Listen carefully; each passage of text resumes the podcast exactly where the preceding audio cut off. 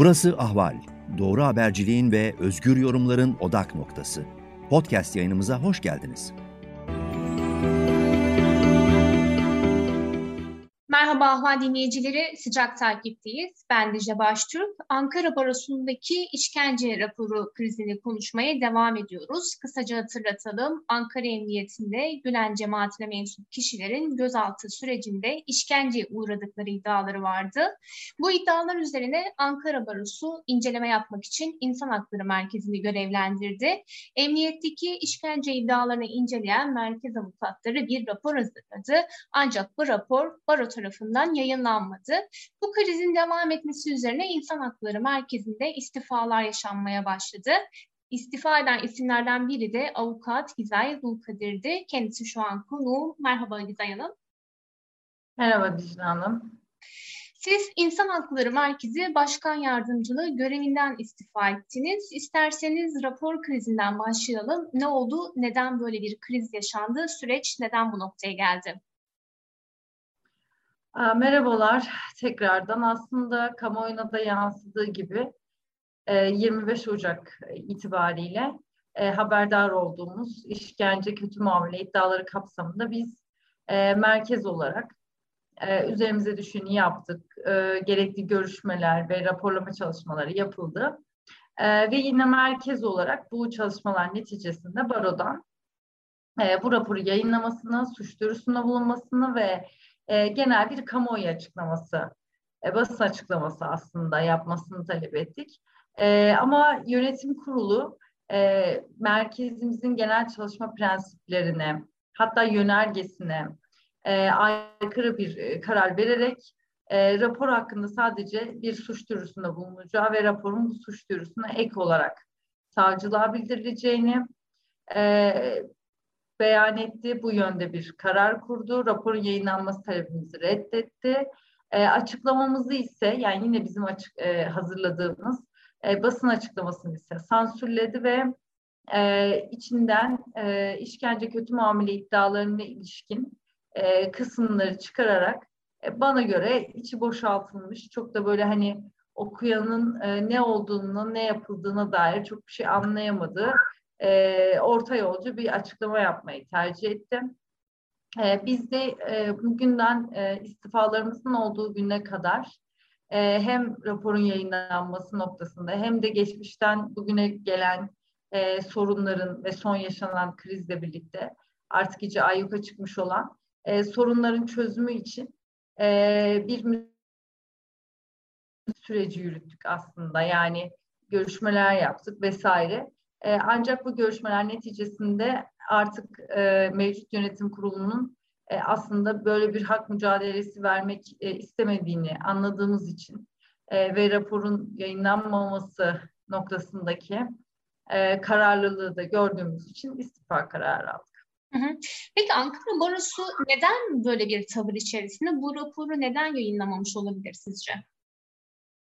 E, rapora ilişkin tabii ki hani raporun üstünde çok konuşuldu, neden yayınlanmadığı üstünde çok konuşuldu vesaire. E, rapora ilişkin e, bize hiçbir hukuki itiraz gelmedi aslında. Bütün itirazlar e, politik zeminli raporun yayınlanmamasına ilişkin daha doğrusu e, politik zeminli itirazlardı. E, biz bu noktada artık hani meselenin sadece bizimle de alakalı olmadığını düşünüyoruz. Sadece İnsan Hakları Merkezi ile de alakalı olmadığını düşünüyoruz e, Ankara Barosu e, mevcut yönetim itibariyle e, hak temelli tüm merkezlerin e, sıkıntıya sokulacağı e, bir noktaya gelmiştir ve hak mücadelesinden e, uzaklaştığını görüyoruz. E, bu nedenle aynı politika anlayışla da raporu yayınlamayı reddettiğini görüyoruz. Peki o raporda neler vardı?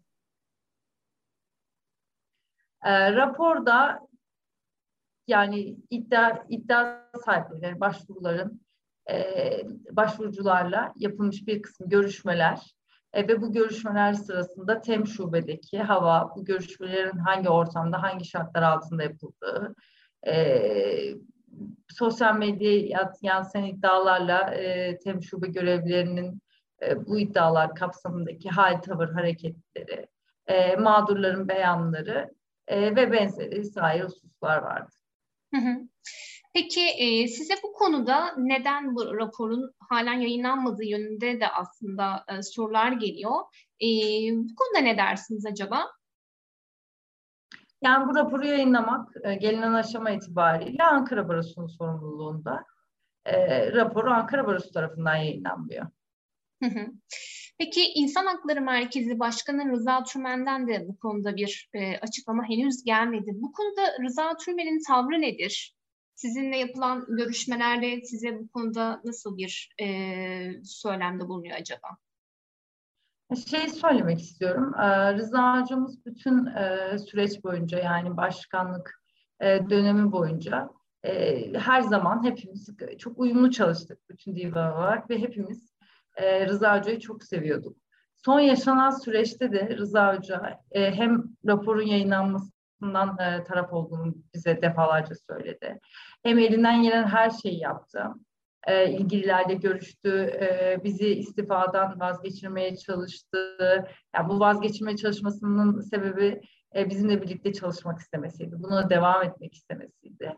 E, bu kapsamda aslında raporun yayınlanması ya da işte e, hak mücadelesi, hak mücadelesine bakış, e, insan hakları anlayışına e, bakış noktasında e, istifaden e, bizlerle Rıza Hoca arasında e, somut bir fikir ayrılığı yok.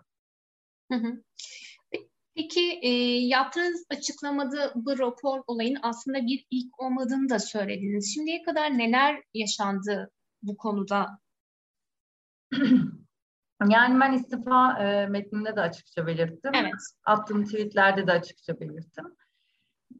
Benim çok e, üzerinde durduğum, aslında arkadaşlarım da çok, hani arkadaşlarım da çok üzerinde dur, durduğu süreç içinde yaşanan bazı tartışmalar oldu e, tam kronolojik olmamakla birlikte yaşadıklarımı, hatırladıklarımı e, hepsini yazmaya çalıştım. Hem sosyal medya hesabımda hem istifa mektubunda.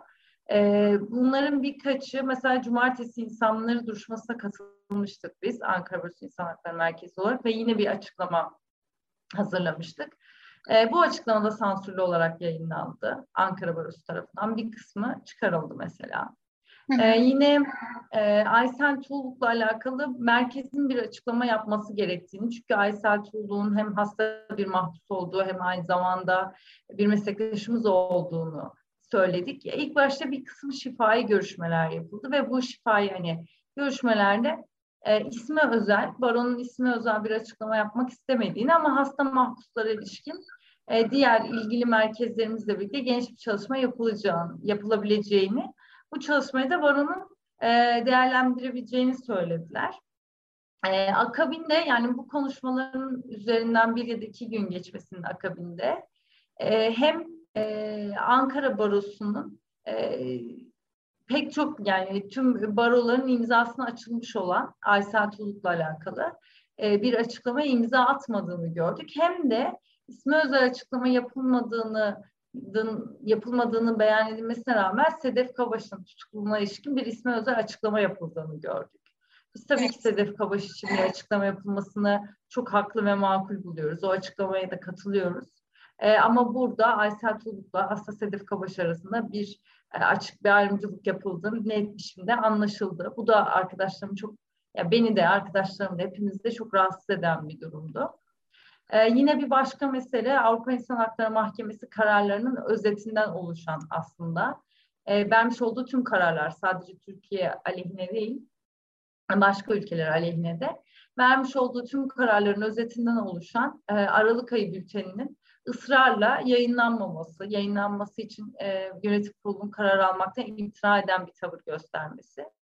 Ve yine yaptığımız şifai görüşmelerde e, Türkiye aleyhine bu bülten de kararlar olması ve e, başvurucu kişilerin kimlikleri, işte FETÖ-PD konu yargılamalarda yargılanmaları gibi gerekçelerle aslında e, bunun yayınlanmasının geciktirildiğini öğrendik. E, yine 2021 yılı için hazırlamış olduğumuz bir bültenimiz vardı. Ve bu bültende askeri öğrencilere ilişkin bir yazı da vardı. E, bu yazı defalarca e, düzeltme talebiyle tekrar merkeze gönderildi. E, düzeltme talebinin aslında e, somut bir gerekçesinin, yani hukuki herhangi bir gerekçesinin de olmadığı e, şekli taleplerde bulunuldu. Ve aslında bunun bir e, oyalama ve yıldırma bir taktiği oldu. O yazının yayınlanmak istemediğini hepimiz anladık. E, bu gibi pek çok olay arka arkaya yaşandı. E, bunun üstüne de son olarak bu raporun açıklanmamasıyla birlikte e, biz de artık bu istifa kararını almış olduk. Anladım. Peki Gizay Hanım çok teşekkür ediyoruz süreci bizimle paylaştığınız için. Ben teşekkür ederim. Sağ olun.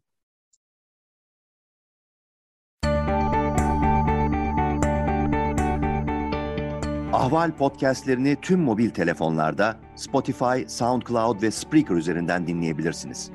Apple iPhone kullanıcıları bize iTunes üzerinden de ulaşabilir. Türkiye'nin ve hayatın cıvıl cıvıl sesleri Ahval Podcast dizisinde. Kulağınız bizde olsun.